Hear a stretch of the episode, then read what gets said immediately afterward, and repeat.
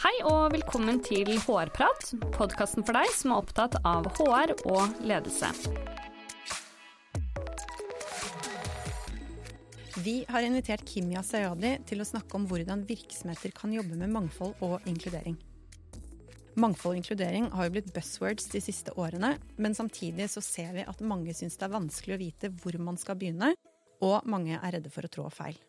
Hvordan skal man gå frem? Velkommen til Hårprat, Kimia.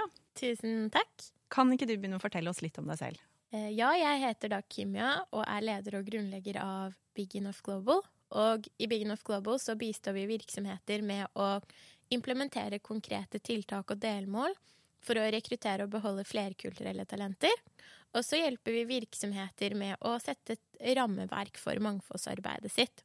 Så frem til i dag, da vi, vi starta ca. for to år siden, så har vi konsultert konsultert virksomheter i veldig ulik bransje og virksomheter i veldig ulik størrelse. Mm. Jeg starta Big Enough Global da jeg var jusstudent.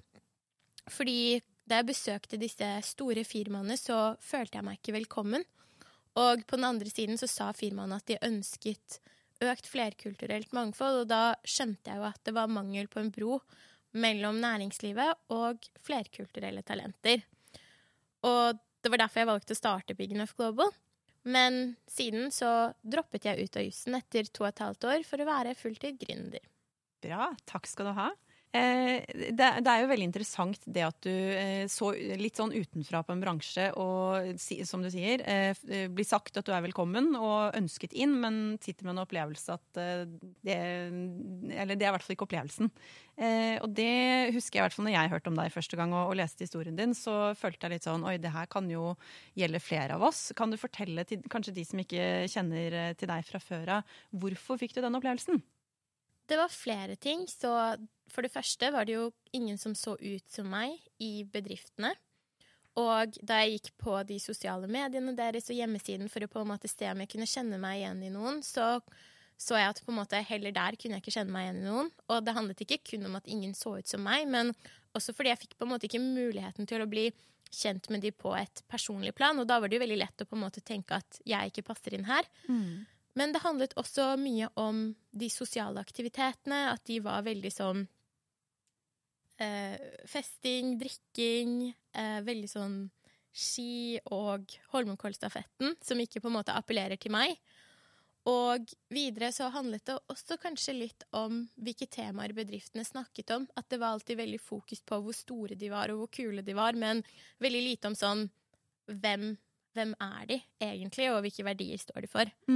Og så vil jeg bare legge til at mange av disse tingene som ikke appellerte til meg, er, er det også mange med en etnisk norsk bakgrunn som ikke kjennes, kjenner seg igjen i, men det er også mange med flerkulturell bakgrunn som synes at det er helt greit. Ja. Så det er på en måte litt viktig å være bevisst på det også, da. Mm. Mm.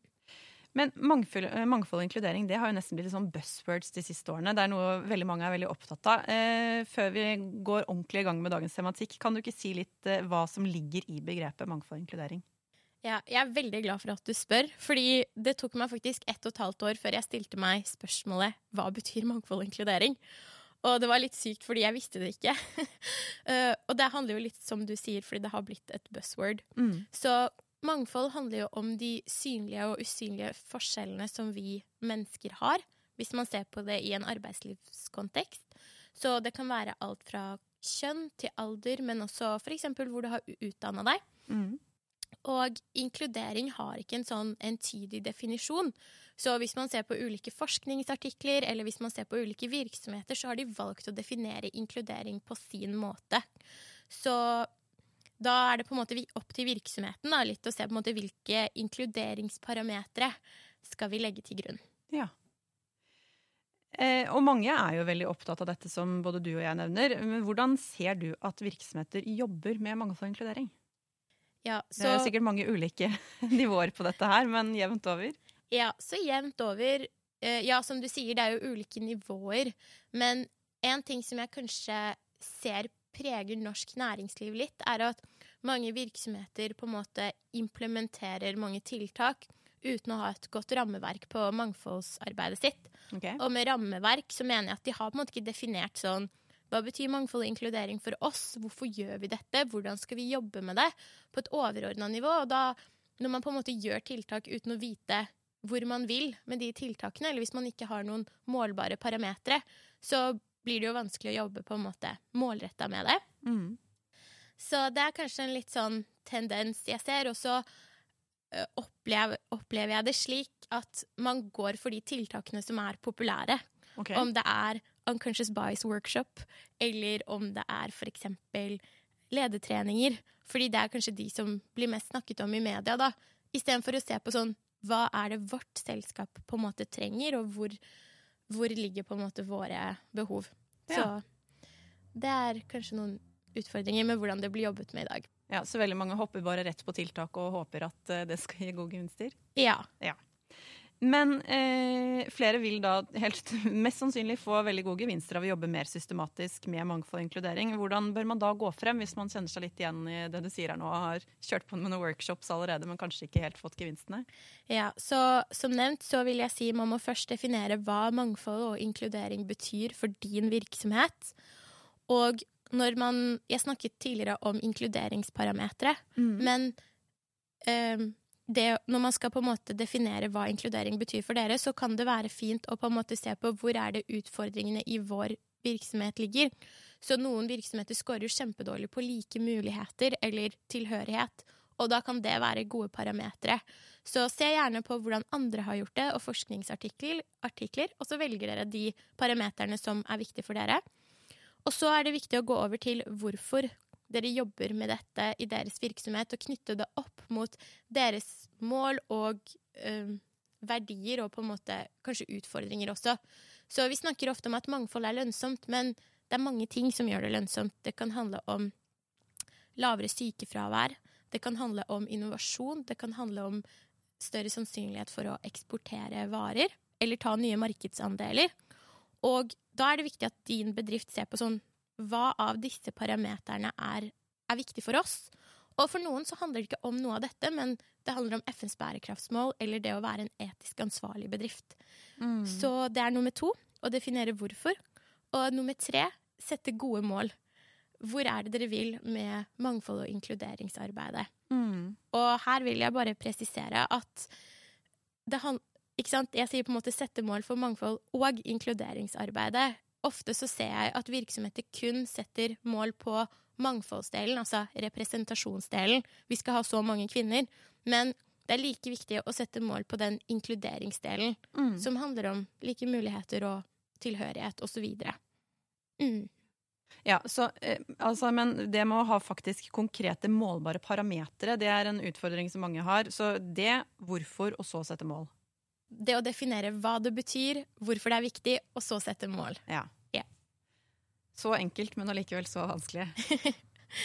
Eh, Det er jo gjort veldig mange internasjonale studier for dette her. Eh, Kan du si noe om eh, hva som faktisk er vist av lønnsomhet rundt dette? Du er jo litt inne på det. Mm. Ja, så IMDi har bestilt en, en rapport om sammenhengen mellom vel å merke økt etnisk mangfold og lønnsomhet i norske virksomheter. Og det de da viser til gjennom den rapporten, er jo at det er en signifikant sammenheng, eller positiv sammenheng mellom det å ha økt etnisk mangfold og lønnsomhet i virksomheter i Norge. Og da er det også vel å merke at dette er, og dette var en liksom øyeåpner for meg, at det handlet da om hvor mange forskjellige typer nasjonaliteter du hadde, og ikke om andelen flerkulturelle. Så si, ikke sant, hvis du har en bedrift som har 50 eh, iranere, og så 50% flerkulturelle, så er jo andelen flerkulturelle høy, men hvis du ser på liksom variasjonen, så er det jo på en måte mindre. Ja. Eh, og det de viser, er jo at dette arbeidet kan ha en positiv effekt med blant annet eksempel lavere sykefravær, da, hvis man jobber med inkluderingen også. Mm. Spennende. Men det som kan være litt krevende når man skal jobbe med mangfold og inkludering, eh, tenker både jeg og litt ut fra det man ser i mediebildet, er jo at veldig mange kan kjenne på en usikkerhet eller en frykt for å trå feil. Eh, og det gjelder jo liksom Kanskje når man er mer på én-til-én, for hvordan skal vi jobbe med dette her praktisk i vår virksomhet hvis jeg som etnisk norsk er redd for å stille deg spørsmål eh, og trå feil? Altså jeg er redd for å såre deg, og da unngår jeg kanskje å stille deg spørsmål eksempelvis hvordan uttaler jeg navnet ditt, eller eh, hvor, hvor, er det du opprinnelig er fra? Eh, altså Sånne type spørsmål kan veldig mange av oss kjenne at man vegrer seg litt. og det, Da tenker jeg da er det vanskelig å få de gode samtalene. Hva, hva tenker du om det? Ja, så hvis vi, hvis vi, løfter blikket litt først, og det jeg da forstår som spørsmålet ditt, at dette er med frykt i forbindelse med mangfoldsarbeid, mm. så har jeg lyst til å si at min observasjon er at øh, den frykten kommer av at mange prøver å jobbe med mangfold og inkludering uten å ha noe kunnskap om det. For eksempel så ser jeg mange bedrifter som har lagt mangfoldsutvalg som da drives kun basert på deres på en måte passion for mangfold og inkludering, og ikke noe kunnskap. Mm. Så da blir det jo litt sånn Den der følelsen av at man famler i blinde, gjør sånn at man også har en frykt, fordi man vet ikke hvordan man skal på en måte angripe det her. Så mitt første råd er å på en måte hente kunnskap.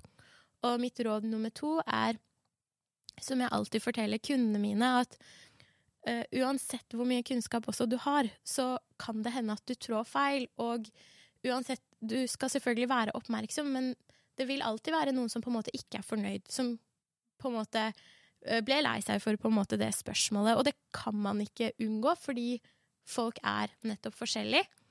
Så man må på en måte bare akseptere det, ikke mm. sant, som alt annet i livet, at du, du, kan gjøre feil. Og nummer tre så har jeg lyst til å på en måte snakke om at jeg tror det er veldig viktig at man skaper rom for å uh, ha dialog rundt mangfold og inkluderingstema. Ikke sant? Så hvorfor kan ikke virksomheten f.eks. lage et frokostseminar eller en workshop hvor man spør sånn hva er greit å spørre om? Hvilke ord er greit å bruke? Og på en måte lage den tryggheten, da. Og sist, men viktigst, en ting jeg ofte ser, er jo litt sånn Og det er jo litt sånn vi mennesker er, at når vi er på en måte trygg på en annen person og deres intensjoner, så lar vi på en måte komme tvilen litt til gode. Mm. Så hvis jeg er på en måte trygg i vår setting, og så spør du meg sånn Hvor er det du egentlig kommer fra? Kanskje selv om jeg objektivt sett ville følt at det var et Kall det dårlig spørsmål, så ville jeg tenkt at sånn Ja ja, men hun visste ikke bedre fordi jeg er trygg på deg. Mm. Så det er liksom mine tanker rundt dette her med frykt, da. Men eh, Du er litt inne på det, men hvordan kan vi jobbe da for å skape de trygge rommene? Altså Både på virksomhetsnivå og på individnivå? Kunnskap? Ja, kunnskap. Og løfte problemstillingene. Og snakke om, om tema, mm. egentlig. Det vil jeg si også, tror jeg at eh, Eller en ting som den rapporten viser, som vi var inne på, er jo at uh, mangfoldsledelse er veldig viktig. Mm. Og at man har en mangfoldskultur for at man skal lykkes med, med økt etnisk mangfold. Så det tror jeg også gjelder for all type mangfold. At du må ha gode ledere, og du må skape den som vet hvordan de skal skape den trygge kulturen hvor folk føler, føler at på en måte hele dem er akseptert. da. Mm. Og så må vi kanskje ha litt trygghet også for å gjøre feil. Altså, for det mm. kommer vi mest sannsynlig til å gjøre. At en gang iblant så stiller man et spørsmål hvor noen kanskje prikker en pent på skulderen og sier at uh, det der burde du kanskje omformulere neste gang, eller mm. jeg forstår at intensjonen din er god, men det kan tolkes. Uh, men vi har jo sett litt i mediene at noen kan jo også bli litt hengt ut, og mm. det tenker jeg det kan jo også skape litt høyere terskel for å, å jobbe med det, eller å ta tak i det. Ja, uh, og det her er jo noe som er på en måte en av mine kampsaker, og det er at vi må være veldig forsiktige med å henge ut folk, som eksempel Norvik Eiendom-saken, for de som har fått med seg det, hvor Norvik Eiendom hadde laget en sånn våre beste meglere og våre beste kvinnelige meglere mm. uh, i på en måte en separat boks. Og mange likte jo ikke det, og det er noe med at sånn, det er helt greit å ikke like det og kommentere hvorfor, men den uh, ukonstruktive Harseleringen. Ja, ja. Det har ingen tjent med. Og det som også man må huske på, er jo at sånn når man bidrar selv til å skape en sånn uthengningskultur, så blir jo ditt firma neste. Så jeg tror veldig på at det, den energien du sender ut, er det som kommer tilbake til deg. Så jeg tror vi bare må være litt greiere med hverandre. Mm. Og selvfølgelig, det er lov til å være uenig, men kanskje på en måte diskutere mer konstruktivt rundt det, da. Mm. Godt tips. Eh, avslutningsvis, og for å oppsummere, hvis du skal gi tre råd til de HR-lederne som hører på, hvilke tre råd vil det være for at de skal lykkes med arbeidet rundt mangfold og inkludering? Uh, oh. uh, OK, nummer én. Sett en, sett en god mangfoldsramme. Vi har vært inne på hva det innebærer. Mm. Nummer to, hent kunnskap om du ikke har kunnskap. HR-personell og HR-ledere sitter jo på ekstremt mye ansvar. Og det er ikke alt man, man kan fra før. Mm. Og da er det helt greit å og på en måte om det er at du kurser deg selv eller henter inn konsulenter. Og nummer tre Jeg vil si på en måte Ta ett steg av gangen, og på en måte vær tålmodig. Eh, Mangfoldsarbeid tar tid, og det tar tid å få resultater, så bare ta små steg av gangen. Eh, Og på en måte være grei med deg selv, Mm. om det er greit å si. Fordi jeg får liksom ofte tilbakemelding fra eh, Jeg snakket med en av kundene mine i dag, og, og, hun fortalte meg at sånn Det er på en måte så kjipt, fordi uansett hvor mye de gjør, så har hun dårlig samvittighet for alt de ikke har gjort. Ja. Og jeg tror det er viktig at man på en måte er stolt av seg selv, og er stolt over det man får til. Så får det være godt nok, tenker jeg. Så lenge du vet at du, du jobber med det. Mm. Det er veldig mye bedre enn å ikke ha det på agendaen. Ja, ikke sant? Og en utfordring jeg ser, er at mange er sånn Det er ikke riktig tid nå, så de bare utsetter og utsetter og utsetter. Men hvorfor ikke på en måte begynne, men heller begynne i, i det små, da. Mm. Mm. Og kanskje se litt på ja, hva virksomheter rundt en gjør, så kan man hente mye inspirasjon til lavterskeltiltak også. Ja. Tusen takk for gode råd, og tusen takk for at du kom. Tusen takk for at jeg fikk være med. Det var veldig hyggelig. Og til deg som hører på, vi prates. Hvis du har temaer eller spørsmål du ønsker vi skal diskutere, send oss gjerne en mail på hårpratatvisma.com. Og for flere episoder, sjekk ut visma.no slash podkast slash hårprat.